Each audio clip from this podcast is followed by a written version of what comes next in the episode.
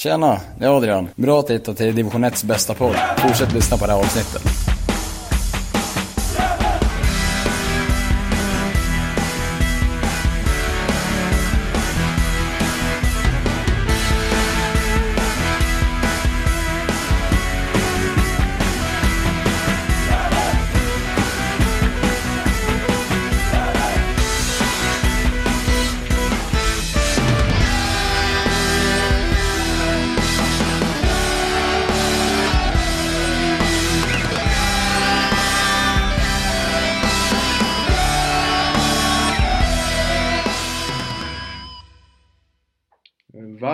Välkomna till Gävlepodden avsnitt 192.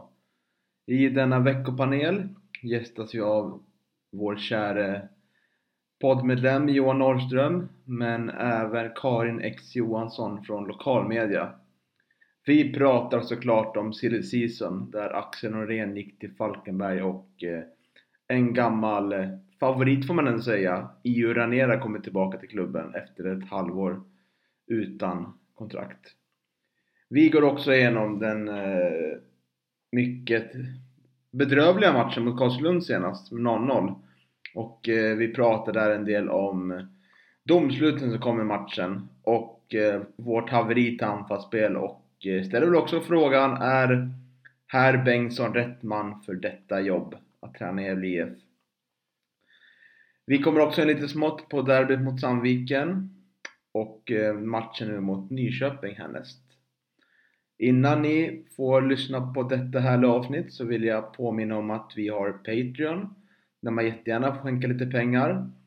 Vi spelade nyss in en intervju med Daniel Sulan Westlin som har ett imponerande målsnitt, mål i var tredje match för klubben som vi kommer släppa när vi får in 150 dollar i månaden. Så hoppa gärna in där och, och stöd vårt arbete.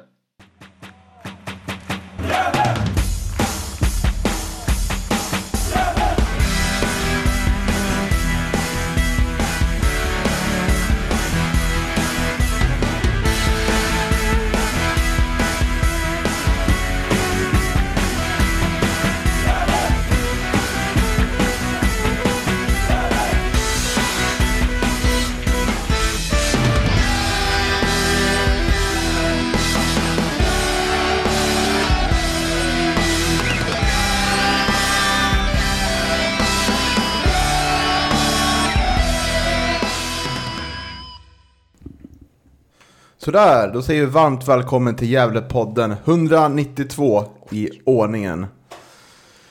Oj, oj, oj, nära 200 Johan Norrström. Ja, nu börjar det närma sig milstolpen 200 verkligen. Tänk att eh, ja, vi tog över det här förra året. Jag vet inte vilket eh, program det var, nummer då naturligtvis, men, eh, men det känns ändå som att det gått fort. I alla fall, Johan är med här. Niklas är med också som pratar nu. Men vi har även en kärt återseende av Karin X Johansson. Hej hallå! Hej hallå! Kul Hur- att få vara med igen. Ja, vad härligt att du vill vara med. Ja. Hur är läget då? Jo, ehm, det är väl bra. Det har hänt så mycket eh, i Gävle de senaste dagarna så det känns som att vi har så oerhört mycket att prata om och det ska bli väldigt roligt att få ventilera allt det här. Väldigt spännande. Mm, vi ska prata om silly season. Season? Säger man så? Silly season? Ja, Yes. skitsamma. Eh, vi ska prata om Karlslundsmatchen senast också. Ganska mycket. Den mycket ju- märkliga matchen. Ja, otroligt frustrerande match också i många sätt. Och så ska vi avsluta med kommande matcher mot Sandviken och först och främst Nyköping då. Vi har det silly season bakom oss eh, som såg ut att vara ganska lugnt fram till sista 24 timmarna då Axel, Axel Norén blev klar för Falkenberg. Och så kom IU Ranera tillbaka som var ett år i Gävle men sen inte fick nytt kontrakt. Och junioren Emin Gadzo flyttades upp från U-laget. Eh, det här såg man väl inte riktigt komma. Någon av de här i alla fall, inte jag. Vad, vad säger du Karin om vi kan börja med Axel Norén, försäljning till Falkenberg? Alltså Axels utveckling det här halvåret, eller vad vi nu ska säga, fram till, fram till nu har ju varit enorm. Jag tyckte inte att, alltså han var fortfarande duktig förra året, men jag tycker att han har eh, tagit jättekliv i år. Eh, och ja, man ju lite med bekanta och sådär. Eh, och jag gjorde, ja, jag satte någon sexa på honom i betyg, vi som sätter betyg i tidningen. Eh, och då fick jag eh, från en bekant där det var helt rätt att sätta en sexa på Axel. Han var oerhört bra, men, men när han är så här bra så finns det risk att vi kommer tappa honom. Ja, vi får väl se, sa jag. Och så gick det väl drygt två veckor och nu har vi tappat honom. Så... Eh, Du känner dig alltså lite ansvarig? Precis, jag får inte, får inte sätta så höga betyg på folk. Eh, nej, men jag, han var ju ändå med, eh, om ni minns, i vintras när de här typ talangfullaste spelarna under 21 eller vad det är, eller under 20, eh, mellan, från söderettan och från norrettan som möttes i någon match på typ Tele2 eller vad det var, eller om det var Friends till och med, i vintras. Då var han den enda Gävle-representanten där. Och Ehm, men som sagt, jag tror att det var Micke Bengtsson som sa det också i en intervju med oss på tidningen att ja, jag tror inte att Falkenberg hade de här ögonen för Axel i, i januari, men med de kliven han har tagit nu under våren och sommaren, eller inte sommaren och sommaren eftersom säsongen är så konstig, eh, så kan jag väl inte säga att jag är jätteförvånad, för han har faktiskt varit väldigt, väldigt, väldigt bra, har han varit. Så att, eh, jätteroligt för Axel, en toppenkille, en superspillevink, eh, supertrevlig. Ehm, och kul för honom att han får chansen, men såklart ett jätteavbräck för Gävle. Såklart. Ja, helt klart. Jag tänkte på det, undrar om han inte har mått bra också nu av att eh, ja, de har ju varit lite bättre i defensiven Gävle den här säsongen också att, eh, och att det också har pushat hans utveckling framåt och naturligtvis också bidragit till att eh, Falkenberg säkert fått upp ögonen för Axel. Så att, Mm. Ehm, eh, ja, kanske lite cred till, till övriga spelare, till lagkamrater också för att eh, det har gått så bra för Axel. Absolut. Alltså, det är klart att det är lättare att synas också i ett bra lag. Eh, om, eller, mm, ja, nu hyll, ska jag inte hylla Gävle så mycket, för det är de inte förtjänta av än. Men, eh, men som du säger, att, att man har varit, eh, inte släppt in lika mycket mål som förra året, så det är klart då syns det ju tydligare. Ehm, att, att han är duktig och han har ju ganska mycket ledaregenskaper också, styr väldigt mycket och Ehm, jag tror att det har bidragit till sitt. Och nu får, det var ju ett två och ett halvt års kontrakt han fick också med Falkenberg, så han får väl det här halvåret på sig nu och liksom skolas in i allsvenskan så och ehm, så får vi väl se då vad som händer de övriga två åren. Så att, Jag tror han har mått väldigt bra av att fått en tydligare roll i laget i år. För nu har han blivit den här centralbacken i den här trebackslinjen som, så verkligen styr och ställer och inte tar så mycket offensivt ansvar utan står där bak och dominerar backlinjen definitivt väldigt bra. Så det har nu gjort att han har växt och nu får vi sälja honom vilket är fina pengar in och eh, får väl ge ett gott betyg till dem som scoutade Axel Norén in till GIF för, för ett år sedan. Mm, jag träffade hans föräldrar förra året och de sa att han trivdes väldigt bra här. Och det tycker jag också känns kul att han eh, har haft en, en ett fina ett och ett halvt år som det har nu blivit då här i, i klubben. Eh, han har ju varit Mjällby trogen i alla år tidigare. Han har visserligen Sölvesborg som moderklubben. Han kom till Mjällby när han var tio år gammal. Så att han är ju liksom ingen sån som hoppar omkring. Men han har känt sig väldigt välkommen här så att han har trivts väldigt bra. Det känns också väldigt kul. Och jag tycker att någonstans eh, jag, träffade, som jag, eh, jag träffade Erik Granat tidigare idag och vi pratade lite om det här. Att, men det måste väl vara ett kvitto för er också, att ni som är kvar i truppen, att spelar man bra fotboll i Gävle och utvecklas här i Gävle, då, då finns fortfarande möjligheten att komma högre upp. Och inte bara till superettan, utan även till allsvenskan. Och det höll ju Erik med om och var så här, jo men det är jättekul, verkligen. Så eh, jag tycker ändå att ja, Gävle ska vara stolta över att man har utvecklat Axel på det sättet man har gjort. Mm. Tydligaste minnet i år är väl eh, 2-1 målet eh, mot eh, TG, TG, Team TG hemma. visst. Har han gjort det med mål? Ja, jag blev skjuten i ryggen av Adrian Haranen borta det. mot Luleå. Härligt. Adrian tänkte nu kommer mitt första mål och så sköt han och så stod Axel i vägen. Men ja, Ja, men det är fantastiskt bra av Axel att känna att han ska stå där i alla fall. Tycker jag. ja. visst.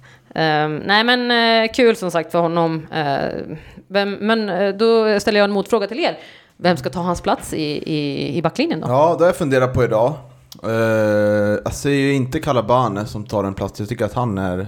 Jag får alltid försvara Calabane i den här podden. Det har blivit min grej. Tycker alla gnäller på honom, men eh, jag ser honom som en offensiv kraft. Mm. Med ett jävla bra språng i ben och eh, fina passningar.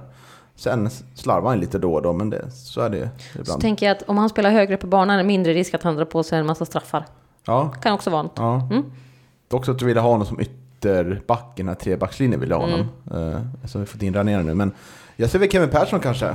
Kanske Mm. hans roll där att växla. Kanske det. Eh, det är ju antingen Kevin Persson Eller så är det, ja det är Ejeblad, men han är ju, ska ju också vara mer offensiv kraft. Så det, det känns Mer som... en vinge liksom. Så. Ja. Ja. Det är väl Kevin Persson och Calabano, men jag väljer Kevin Persson där. Jag tror det finns mer potential att få ut honom. Mm. Speciellt eftersom han varit ganska osäker nu med de här offensiva passningarna och sånt. Så. Vad tror du Johan? Ja, jag tänker att du, när du nämner Ranera, jag misstänker att vi, vi kommer till honom så småningom, Mm. men att, eh, att jag tänker väl att det kan ta ett tag innan han kommer igång. Och eh, någon, då skulle jag nog vilja ha eh, Jaja i, i backlinjen på Axels eh, position, så här till att börja med åtminstone, för att eh, jag tror inte jag tror inte att eh, Ranera riktigt är liksom redo att eh, gå in i startelvan riktigt än. Så att, eh, Ja, ehm, svaret blir alltså att eh, Jaja ska ta Axels roll centralt i backlinjen. Det finns ju ett sparkapital också i Nisse Eriksson som ju har spelat ungefär eh, tre minuter tror jag totalt mot, borta mot Luleå. Det är hans enda eh, inhopp i år. Back, mittback vad jag tror i alla fall. Det är ingen som vet för att det är ingen som har sett honom i princip. Men eh, där kan det ju finnas någonting också. Eh, han har ju haft enorma problem med skador. Men är ju i träning nu och ska väl snart vara tillbaka i fullgott spel, dugligt skick. Får vi hoppas.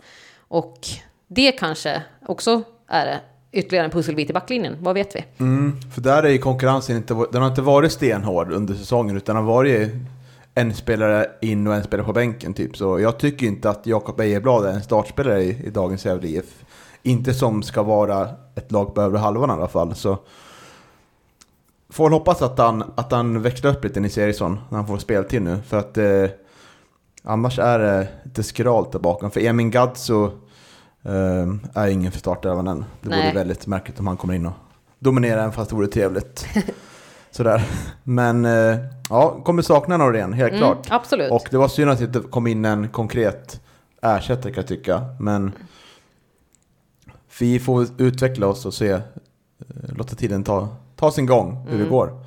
Jag hörde att du nämnde att det var fina pengar, eller om det var du som var fina pengar in. Någon av oss var fina pengar in. Jag tror inte att det är någon jättesumma det, det handlar om. Och sen ska även Mjällby ha viss procent på Mm, vidareförsäljning. så. 20% hörde jag. Ja, precis. Så att eh, det är inga pengar som kommer rädda Gävles ekonomi. Eh, men eh, ja, en viss liten slant där i alla fall. Ja, och vi kan gå över då till EU Ranera som eh, hörde inga rykten alls igår kväll om det, utan det kom på, till morse till min, till min vetenskap, eller Kännedom. Kännedom heter man vetenskap. Rör på det. Eh, Så det var väldigt positiv överraskning då tycker jag. Vi har ju pratat en del om våra defensiva centrala mittfältare, slash offensiva mittfältare, att vi vill ha någon som kan göra skillnad där. Och Granata har inte riktigt funkat helt korrekt än där, bra. Sandlund har inte heller funkat jättebra som offensiv spelare. Eh, och man fick intrycket av när man jag pratade med Micke där i början av när han kom till klubben att Ranera var inte helt avskriven. Så han har nog haft lite koll på i Ranera, vad han har hållit på med under tiden här. Så. Och nu möjliggjordes det väl pengar antar jag, i och med att Axel försvann. Så, För det är också en lönepost på Axel som försvinner Ja, där. Så precis. Att, ja. eh, så det kan bli väldigt spännande att se, för föregående år i GIF så var ju inte det mest ordnade spelet, inte så mycket bollinnehav som det är år. Så jag hoppas det kan gynna IUs egenskaper. Vi har sett att han är grym på frisparkar och har en väldigt fin fot och en bra spelförståelse. Definitivt. Är man fostrad i Barcelona så är man. Det är ändå intressant att man, om man tar en Barcelona-fostrad samtidigt som Messi bryter sitt kontrakt med Barcelona, vad vet man? Kan det vara något? Ryktas om City, men då är det ljusbrott som ljusbrott tänkte jag då. Men, Ja, vem vet. ja. Eh, ja, vi är mest positiva här kring Ranera, eller? Ja, alltså jag tycker ändå att det ska bli kul. Men, men jag väger ju in så mycket personlighet i det. Och jag bara, han är så himla trevlig och det blir så roligt att prata spanska. Men vad kul. Eh, men eh, det går väl inte blixtsnabbt för honom. Eh, men jag tänker ändå att, men som du säger, han har just den här spelskickligheten, den här spelförståelsen. Eh, och Ja, när Sebbe Sandlund inte kan leverera offensiva bollar och offensiv kraft framåt, ja, men då kanske EU kan göra det då. Och slå lite mackor framåt. Kan det vara, kan det vara så? Jag, jag känner ändå att det ska bli kul att se honom igen. För jag tyckte ändå att han gjorde en del, hel del bra grejer förra året. Eh, även om många ty- kanske tyckte att han var en ny version av sidleds-Danne. Men Mm. någon passning framåt slog han väl ändå? Va? Ja, Absolut, absolut. Men det var ju väldigt mycket för att man fick inte riktigt klarhet varför han inte blev kvar. Utan det kändes som det, det låg i luften lite länge, så han kvar eller inte? Och sen, sen kom det något slags besked där närmare, ju närmare det kom. Men Jag tänker att man inte hade pengar helt enkelt. Nej, för det- han är en utländsk spelare och då måste Ja. det finnas en viss lönegrad där. Så att jag tänker väl att... och att det kanske var i skarven med att uh, Marcus försvann och Micke kom in där. Mm. Eh, nej men det ska bli väldigt kul att se EU få se när han spelar klar då. Mm. I form. Ja, alltså det, var, det är faktiskt ganska sjukt. Senast igår kväll gick jag igenom mitt Instagram och jag följer honom på Instagram Mm. och tänkte Nej men jag ska väl avfölja honom ändå. Varför ska Mm. jag se när han tränar i Barcelona på playan hela tiden? Och så kom det här idag. Så jag tänkte, undrar om det var någon mening att jag... För jag avföljde honom inte, utan jag lät det vara. Så att, eh, mm, undrar om det var någon mening med det. Ja, det är jäkligt, eh, jäkligt trevligt att han är tillbaka tycker jag. jag, jag eh, det är en spelare som jag tyckte imponerade. Ja, han imponerade på mig. Jag, jag försvarade honom ganska mycket förra säsongen. Mm. Eh, Det finns någonting där och det, som du nämner också, det här med frisparkarna, fasta situationer och har ju en fin blick och, och speluppfattning och sådär. Eh, Jag vet att vi sa det nu innan vi började spela in Karin att du, vi får hoppas att eh, Sandon låter Ranera slå lite frisparkar för eh, eh, vi, har ju sett vad, vad han kan göra. Mm. Eh, eh, det, han har en riktigt fin frisparksfot så att eh, ja, nej, det ska bli eh, riktigt, riktigt kul att, att se honom och får vi se när han kommer igång. Behöver säkerligen lite matchträning, så att vi får väl se. Ehm, jag, vet inte hur mycket de spelar med U19 och sånt där nu. Ehm, men annars så har U19 slash typ, finns det något sånt Valbo Gävle IF samarbete? Ja, jag har hört om det att det är Ja, division 4. precis. Typ. De är- Valbo 2 och uh, Gävle Precis, U19. och de spelar på söndag mot serieledande Forsbacka, en match som vi eventuellt kommer sända på GD. Så då tänkte jag, det vore väl hemskt roligt om IO fick deb- debutera i division 4 och få lite matchträning. Ah! Många tittare från Barcelona. Eh, jag tänker lite på konsekvenser av det här då. Eh, att jag tror nu att uh, Erik Granat inte kommer att spela så mycket in i mitt fält längre. Utan det var ganska tydligt med att Micke ser honom som en pocketspelare i anfallet. Medan många fans ser honom som en innermittfältare. Erik själv ser väl sig själv som en Ja, innermittfältare. och han har varit ganska tydlig med det i intervjuer med er bland Mm. annat. Eh, Men nu känns det som, ska han spela på innermittfältet då? Och så har man Sandlund, Harnan där också. Och eh, Kalaban eventuellt. Eh, det blir jättemånga där. Och Granera då på, som addering på Ja, det liksom. Precis, Ehm, så jag tror att det blir en konsekvens av att Granat kommer ju spela längre upp i banan, Mm, helt det klart. Och, han. Vi får Och se när är han är tillbaka han är också efter skadan. Det är en lång historia med Granat tycker jag. Hela den här våren det handlar lite del om, om hans position i banan Mm. och hans icke-vara eller vara. Och vi kanske kommer in lite på det om vi om matchen senast då. Så sparar vi lite Yes. eh, snacket dit. Uh, Emin Gadzo kommer också in från U-laget. Eh, som du Karin påminde, han spelade en del under träningsmatchen mot Sirius. där. Ja, fick ju debutera där Mm. eh, i A-laget. Nej, men jag, jag har faktiskt inte sett Emin så mycket. Jag vet att han är stor och lång och, och, och lite så. så eh, men eh, vad heter han då? Eh, han heter Mehmet Bakir, heter han. Mm. Eh, Assisterande tränaren. Eh, Nu letar jag på Instagram samtidigt som jag pratar, så det är väldigt yrsligt. Men han sa ju att eh, att man ska berömma Emin för hans karaktär. Att han eh, eh, har krigat ex extremt hårt för att, för att ta sig dit han är idag. Och eh, han eh, ja, men tycker att det... det och jag tänker Mehmet har också så haft bra koll på honom eftersom han har tränat honom i så, så pass många år. Um, så här... Nej, men nu, nu... Nu ska jag ha hittat på det här som jag skulle leta på. Uh, Emin är en vänsterfotad defensiv spelare som använder sin fysik och storlek på ett imponerande sätt. Vänsterfot, ändå kul. Det är väl bara Albin Loikanga som Mm. Det är är bara vänsterfotad. Albin som Det är är bara Albin. renodlad ja. Yes. Eh, har bra passningsspel och blick för spelet. Och så säger uh, Mehmet, jag vill verkligen lyfta fram Emins karaktär. Han har jobbat stenhårt med sin utveckling för att bli redo för det här klivet. Mm. Det är väl alltid roligt när det kommer unga spelare underifrån som kan slussas in i A-laget. Det är Ja. väl lite det akademin är till för. Ja, vi har ju Oskar Karlsson nu som har fått några minuter Mm. eh, speltid i slutet av matcher. Då. Tänker man att Emin kanske kommer slussas in lite långsamt också. Eh, det är väl en, kanske en position han spelar på som är lite svårare att slussas in på. Mm. Om det är kanske tänkt yttermittfältare eller mittback då. Mm. Eh, som Albin, typ peppar peppar, aldrig är skadad. Då blir det väldigt svårt att konkurrera där. Så du jinxar allting här nu. Han kan ju eventuellt bli avstängd om inte annat som småningom här så att eh, det, det är jättebra att få in en vänsterfot kanske helt enkelt. Mm. Vi får se om han är första valet då. då. Eh, så det får vi se. Men då ska vi gå in på tråkigare saker då. Eh, Karlslund, Gävle IF 0-0 i lördags. Eh, jag tar igenom lite matchen då. Eh, startar med 3-4-3. Tutsu skadad. Ejeblad går ut från startelvan. Adrian Bjelkendal Harnen går in och Nisse tar Sussos plats. Eh, den sjätte minuten då, blir Granat skadad. Måns Bergen kommer in. Eh, och eh, vi har ju en del halvchanser kan man säga. Vi har en kontring första tio minuterna som Nisse där slarvar bort lite eh, sista passen där. Mycket har det varit så i vår tycker jag. Mycket så här kontringar som man slarvar bort liksom. Eh, men det hände ju ganska mycket den 27 minuten. Fram till dess är det inte så mycket. Och då åker vi av här då. Det blir 1-0, tror vi. Tror För alla. domar, domaren blåser mål.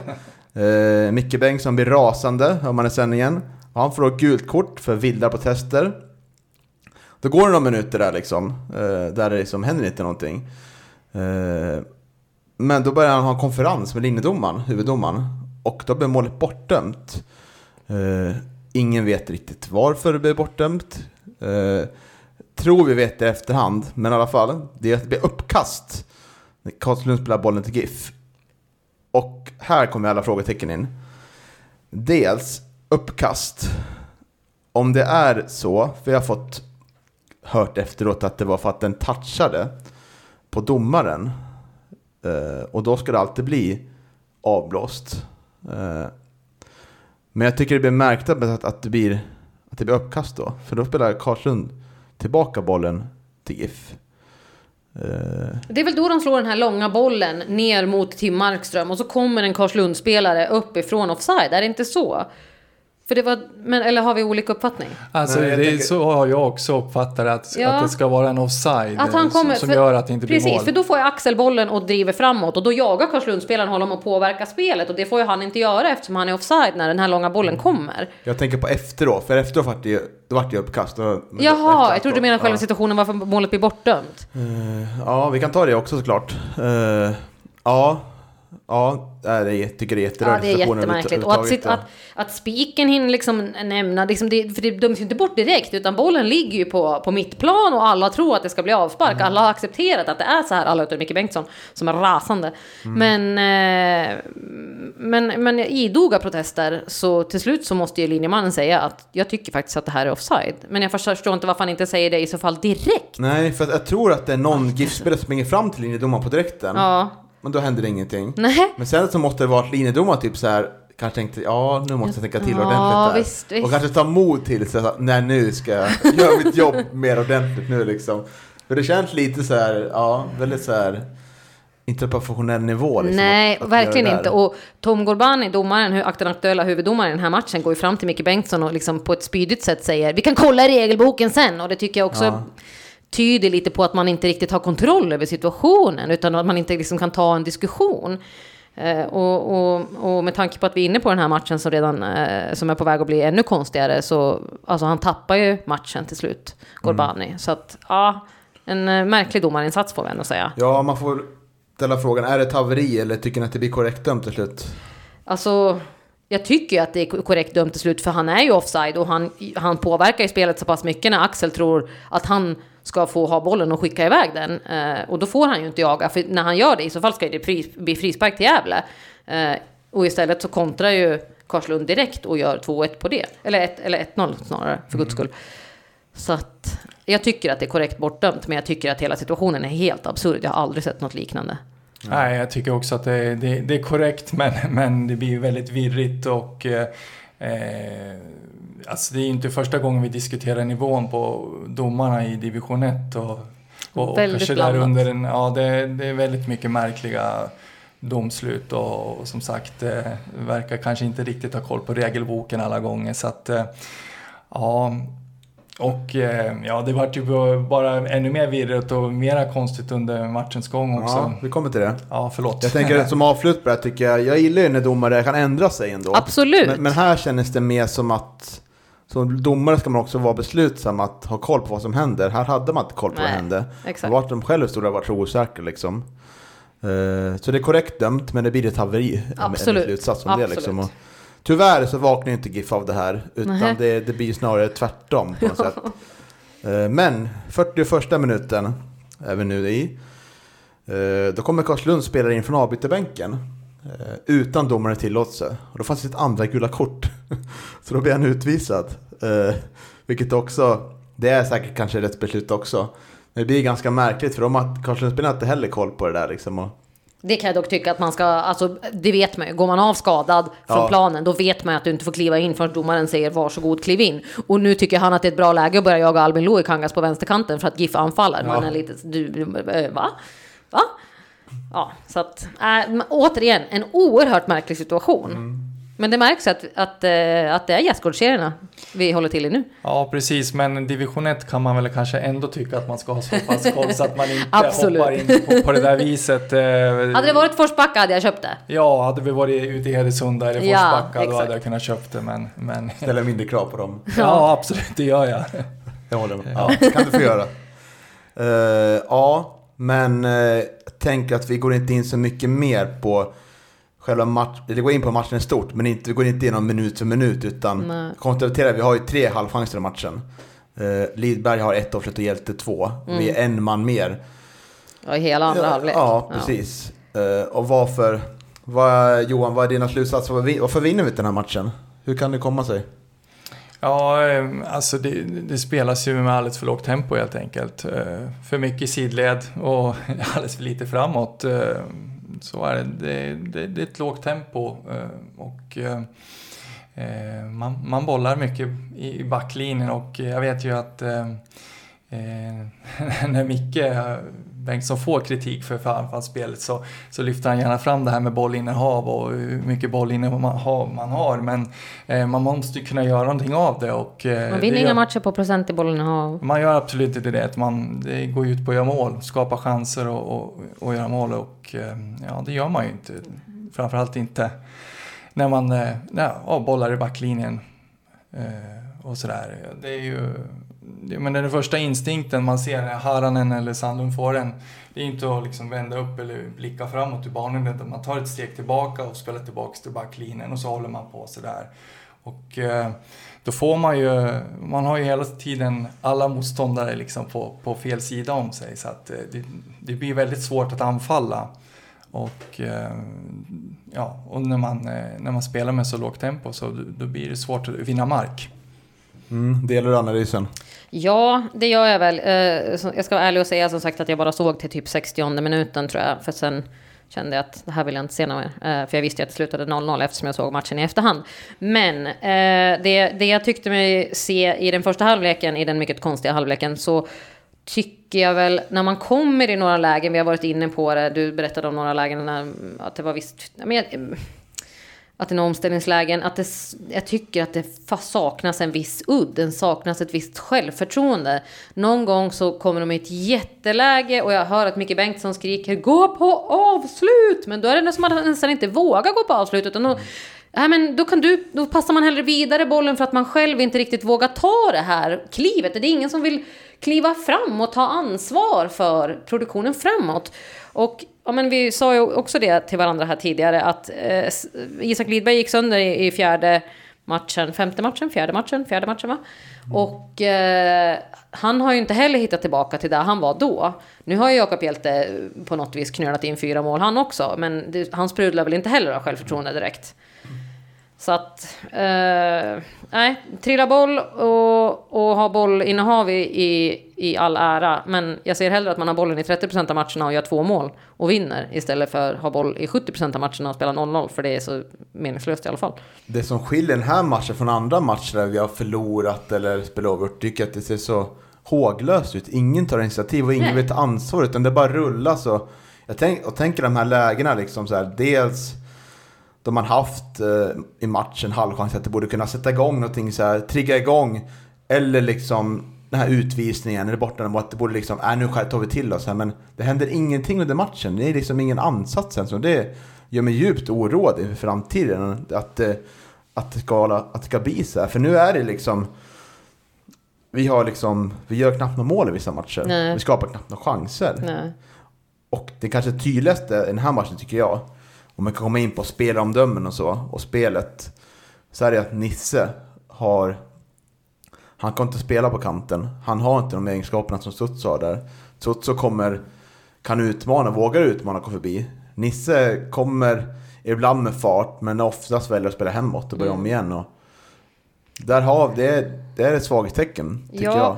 Tyvärr. Nisse jag har blandar och ger, tycker jag. mycket med honom. Ja, Han har varit liksom någon jag ser, ser som en eventuell startspelare och kan växla upp sådär. Men i den här rollen där det är på sin kant där.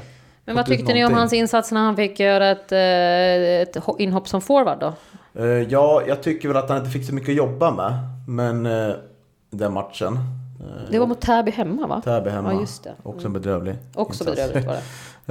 Eh, men jag ser honom mer som en sån spelare. Men Mm. det går inte att försvara honom hur länge som helst heller. Nej. Någon gång kommer det komma att det kommer bättre spelare. Mm. Och jag känner att den gränsen börjar komma lite kring Nisse för mig, tyvärr. Mm. Att, Jag tycker verkligen han blandar och ger. I vissa stunder så kan han löpa och ta ner bollen på ett oerhört skickligt sätt i en oerhört hög fart. Och, och, och så sen så landar inlägget bakom mål i alla fall. Jag tycker att det är väldigt svårt att, att, att bedöma honom på, för att han som sagt blandar och ger så mycket. Han sliter alltid, han krigar alltid, han springer i 90 minuter. Det händer inte så mycket och det blir inte så mycket framåt som man kanske hade hoppats på. Och det är ju ett bekymmer för att det är framåt. Vi vill att det ska börja hända lite saker.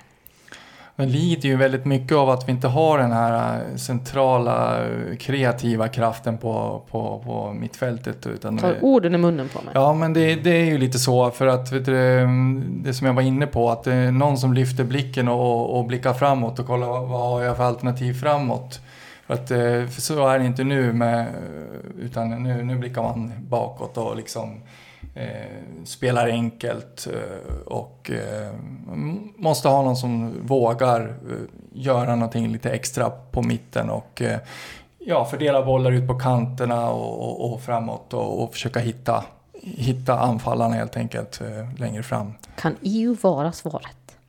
Jag hoppas det. möjligt, men jag ser på något sätt att det är något systematiskt i spelsystemet på något sätt. För att de är väldigt trygga oftast när de hamnar under press i eget straffområde. Men få gånger lyckas man komma ur det på ett, på ett bra sätt så att det blir anfall. Eh, ganska många gånger kommer bollen upp till halva plan och sen, sen dör det. Så här. Men eh, man måste kunna använda den här bolltryggheten till att det inte får bli en falsk trygghet. Att vi kan använda bollen jättemycket runt här. Och bolla runt och trötta ut motståndarna. För det kunde vi göra första matcherna. Luleå och eh, Team TG hemma. Då kunde vi trötta ut motståndarna. Nu, nu kan vi inte göra det lika mycket längre. Men det är som du säger också att du, man kommer upp till mitten och där dör det. Där skulle det behövas en, en ranera eller en, en granat eh, som, eh, som vet du det, har lite har fötterna, har blicken och, och kan hitta vet du Louis eller, eller Isak eller vem det nu kan vara som, som gör de här löpningarna framåt eh, i, i banan så att säga. Jag tyckte att Ciuciu saknades väldigt mycket i sista matchen också. Han har Helt varit klart. enormt bra Mm. hittills på säsongen. Absolut. Han, eh, Det är bara, det är bara oerhört, förlåt, eh, men det var oerhört synd eh, i Berga-matchen där som hade kunnat blivit typ årets mål. Tim Markström skickar ut en snabb boll på Louis. Louis skickar den rätt över till Ciuciu som drar försvararen och ska i princip lägga in den upp ett mål och träffa Carrick-läktaren i princip. Det var lite synd faktiskt. ja, väldigt, han har ju växt enormt i år. Mm. Tar ju störst framsteg av alla spelare. Absolut. Vi får ha ett eget... Han efter någon match också. Han verkligen lyser av självförtroende. Eller hur? Han är verkligen stabil Oerhört positiv och glad. Väldigt kul att se att han är tillbaka i gammal god form. Eh, För jag tänkte väl länge att han var talangen som inte blev något. Men eh, det finns fortfarande hopp om pojken. Mm. Ja, jätteglad överraskning tycker jag Mm, faktiskt. faktiskt. Jag, jag trodde inte att, eh, att han skulle vara så här bra. Inte jag heller. Så att, Jättekul. men jätte, jätteskönt och man blir glad att han motbevisar den. Exakt. Vi får ta ett eget hyllningsprogram till Ciuciu. Absolut Ja. tycker jag. Med Ciuciu kanske. Med absolut. Han borde vara med, Ja, tycker jag. Eh, nu är det lite dyster fakta nu då. Jajamän. Om ni är redo mentalt för det. absolut. Vi pratar ändå Ja, man är får alltid försöka. mentalt förberedd på dåliga nyheter. I fem av 13 matcher har vi blivit mållösa och eh, inget ordentligt anfallsspel. Så frågan jag kan ställa nu, som kräver stor eftertänksamhet, är Är Mikael Bengtsson rätt man för det här jobbet? Att få Gävle upp till Allsvenskan?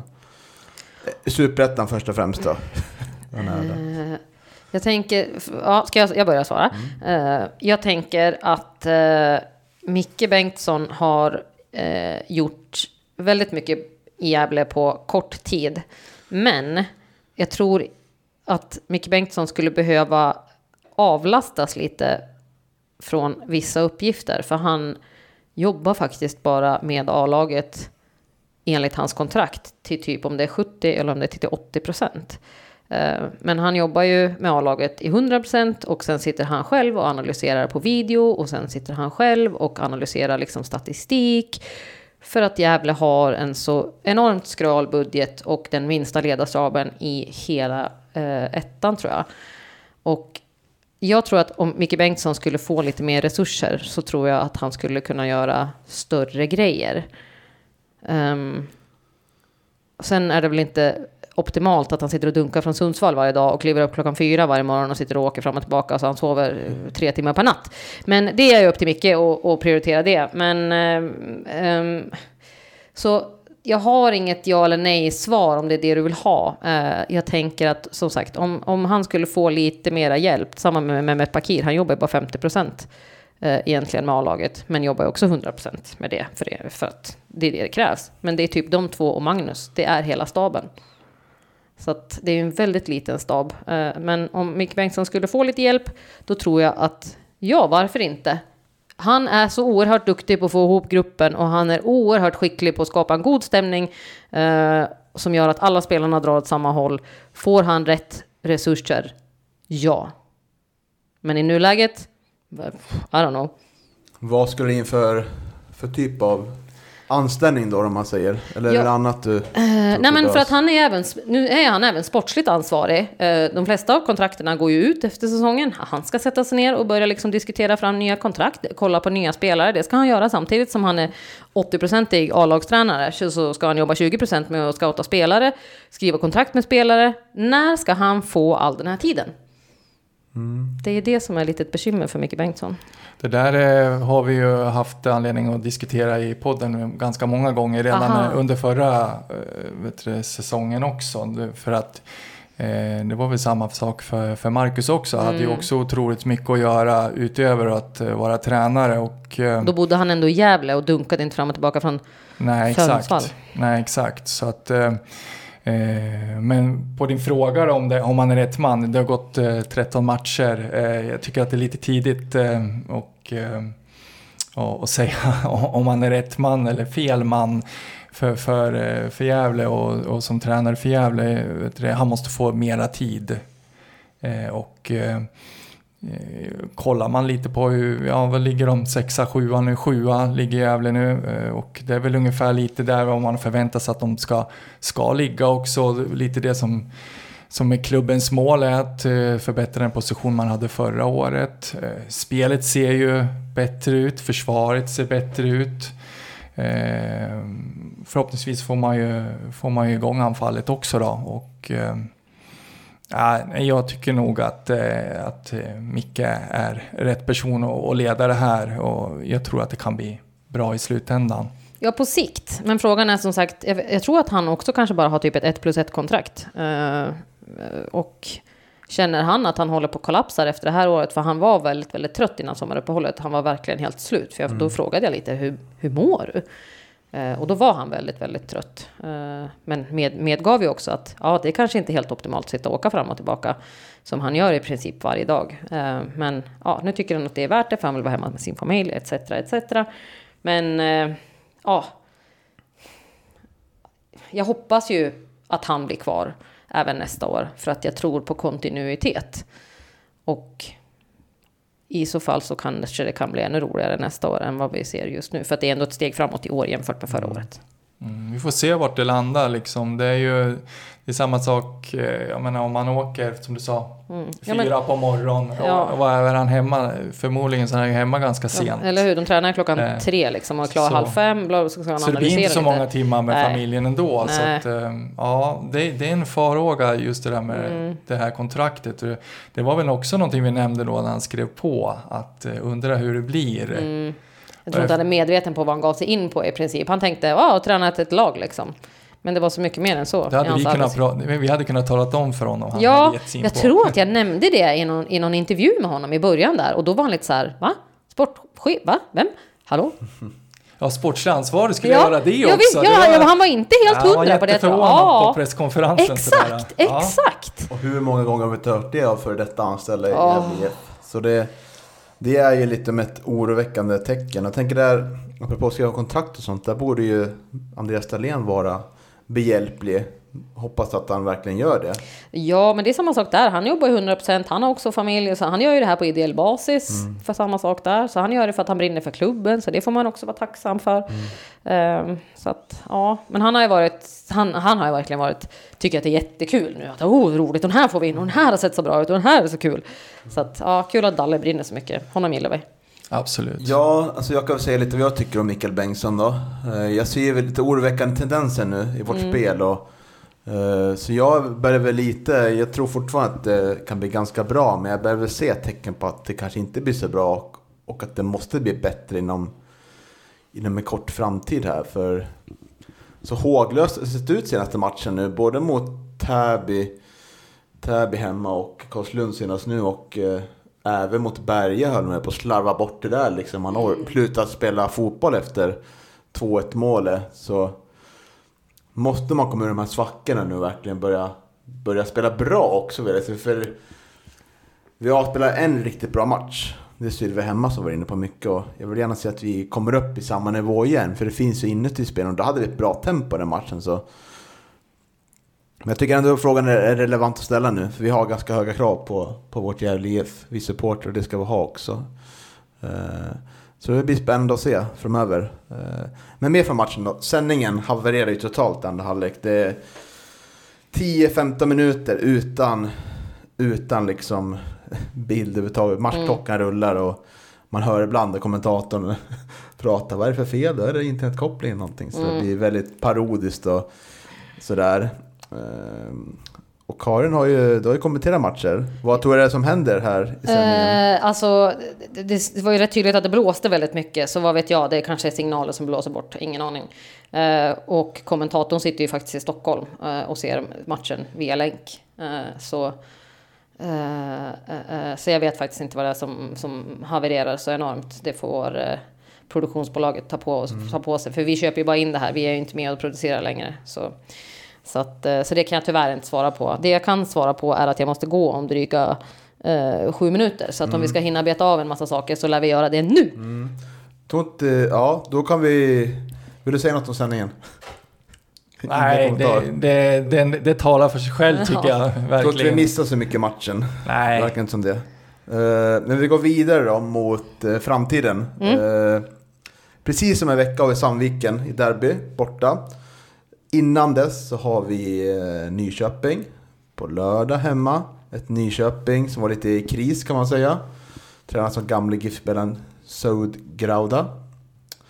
Eh, vad vill ni se i de här matcherna, eh, Karin? Ja, alltså det vore väl toppen att få med sig en trea och lite självförtroende in i derbyt mot Sandviken. Vi satt och gick igenom lite derbybilder från, eh, och sändningar från förra året och kände så här, vilken enorm fest det var förra året. Och vilket haveri och antiklimax det känns som i år när ingen får komma och titta. Eh, så att man känner väl inte samma hype eh, inför årets, årens, årets derbyn.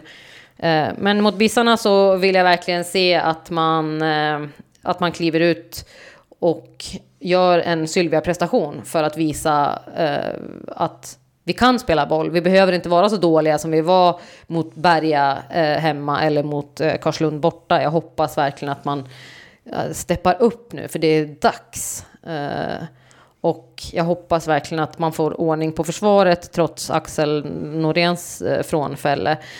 Han har inte dött. Gud, frånfälle, är det när man dör kanske? Uh. Det har han inte gjort, han har flyttat Falkenberg. Men eh, ehm, jag hoppas verkligen att man går... Och jag hoppas att Isak Lidberg kommer igång. Det hade varit oerhört viktigt. Enormt viktigt. Och att Chucho är tillbaka från skada hoppas jag också. Um, ja, men jag hoppas och att man får lite, kanske, jag kan inte islossning för det får väl GIF aldrig. Ja, i och för sig gjorde man fyra mål mot Luleå, men, men uh, ja, Bissarna har ju varit så svajiga så jag hoppas verkligen att man kan trycka dit dem. Nyköping BIS kallas ju för Bissarna, boll och idrottssällskap. Ja, du tog eh, orden ur munnen uh, från mig där. Jag vet det, just det här, jag skulle vilja se en sån där Silvia-match nu som, eh, var fantastisk. Alltså en sån, en sån eh, liksom Gävle-prestation har man inte sen, sett sen Poja liksom träna Gävle. Och eh, det var ju liksom, matchen hade allt utom, utom mål. Det, det var en jättebra match. Så skulle det vara fantastiskt att få se en sån nu på, på lördag. Och för det skulle ju verkligen lyfta Gävle inför derbyt också som är Ja, den är, det är en väldigt viktig match naturligtvis. Så det skulle vara jäkligt skönt efter förra säsongen att få trycka dit eh, Sandvikarna lite grann tycker jag. Mm, Sandviken har ju vaknat här. De inledde ju ganska skralt, men nu har de ju verkligen vaknat till här på senaste och eh, avgjorde ju sent nu senast. Eh, Det var faktiskt imponerande mot Haninge. Eh, Det var ju topplaget som Haninge verkar ha blivit här. Så Jag räknade ut det att eh, tråkiga Sandviken, de har just nu, vet du nu vi sitter här och pratar, gjort 11, 11 mål mer än vad Gävle har gjort. Så Ja. att, eh, jag vet inte. trots jag, att Leo Englund inte har varit i toppform. Nej, exakt. Eh, Personligen så tycker jag det är jäkligt roligt att se mål. Så att jag, Mm. jag inte, förstår inte riktigt den här tråkstämpeln som Sandviken och, Nej. och Pelle har. Man, eh, vi ska ha en jäkla respekt inför den här matchen. Absolut. Det kommer bli en svår match. Hur mycket Sandviken har du sett i år, Karin? Uh, ja, ja, vad har jag sett? Jag har inte sett så jättemycket faktiskt. Kanske fyra, fem matcher bara. Inte, inte något mer än så. Eh, för eftersom de, nu spelar de ju ofta samtidigt som Gävle. Och eftersom jag eh, har en Gävle-prioritering medan övriga kollegor har en Sandviken-prioritering. Så för att, för att det ska vara lätt att skilja på vilka, hur vi jobbar och sådär. Så, eh, så har jag faktiskt inte sett dem jättemycket. Men det jag har sett så tycker jag väl någonstans... ehm, eller hur, hur så, ska jag väl fråga då. Du undrar hur, vad jag tycker om dem. Ja, hur de har sett ut kontra Gävle, tänker jag mer spelarmässigt Eh. sånt. Ja, de har ju så mycket bredare trupp än vad Gävle har och enormt mycket mittfältsalternativ. Nu har de dock lånat ut Raymond Mendy eh, här under, idag till TG. Eh, men Emil Eng, en sån som Emil Engqvist har tagit enorma kliv från förra året och har varit oerhört nyttig på, eh, på mittfältet. Samma med Herman Johansson eh, som de har tagit från Friska Viljor. Vilken, eh, vilken utväxling på honom. Han har varit jättekul att se. Eh, sen har ju Leo Englund blandat och gett. Eh, inledde ju väldigt skralt, hade ju inte gjort så jättemycket mål. Han har gjort två på straff och någon typ strumprullare. Och tre mål för honom så här långt in på säsongen, det var väl inte alls vad man hade tänkt. Och sen så pytsade han väl i två hemma mot om det var TG när de vann där med 6-1 eller vad det blev. Och var väl rätt nöjd över det. Eh, och sen gjorde han väl några mål. Ja, men han avgjorde sent mot Haninge nu senast. Så de har liksom växlat upp och alltså, gasat lite här nu Sandviken. Så att eh, jag tror det kan...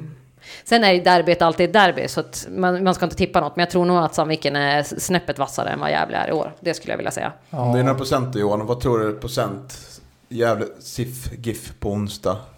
Vinst på chans, procent chans?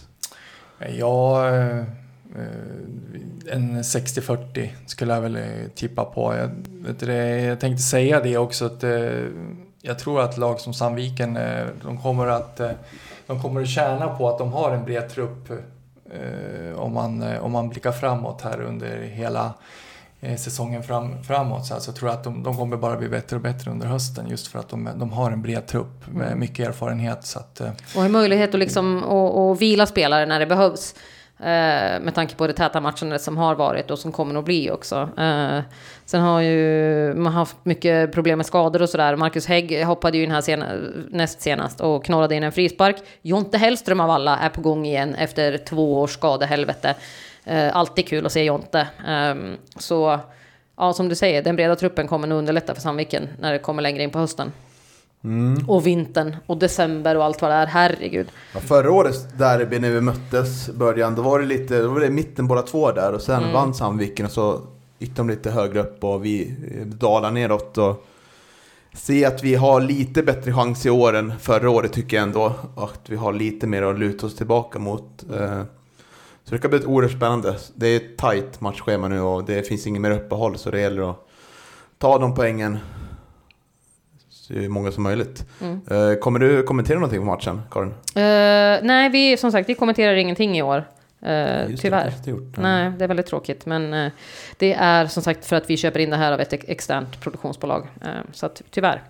Vi kommer däremot ha studio innan, så det blir hemskt roligt med en massa Mm. Spännande. rafflande gäster. Så vi får se vilka vi bjuder in. Ja, spännande. Så det kommer bli kul och det kommer väl säkerligen göra eh, fredag den 18 när derbyt är på Gavlevallen. Ja, just det. Visst. Ja. Ja, ska vi börja runda av där då? Klockan tickar på. Vi har spelat in ganska mycket här. Eh, fått mycket sagt. Precis, vi, vi måste skicka iväg Karin. Hon, eh, hon ska byta sport här och eh, vet du, iväg och kolla på Brynäs. Visst, nu är jag som har sån tur så att jag faktiskt får se live-sport. Oerhört tacksam för mitt jobb för tillfället. Så att det kommer bli jag på läktaren och jag skulle jag tro. Det är väl typ det. Ja. Kanske Abris från Sportbladet, vem vet. Men eh, det, annars blir det nog tomt. Ja, Brynäs men- Örebro, 18.00. Härligt. Visst. Gillar inte så mycket hockey, men det är härligt. Eh, men vi tack, tack och bock då för att ni vill ha med båda två. Tack snälla. Ja, tackar, tackar. Kul att vara med.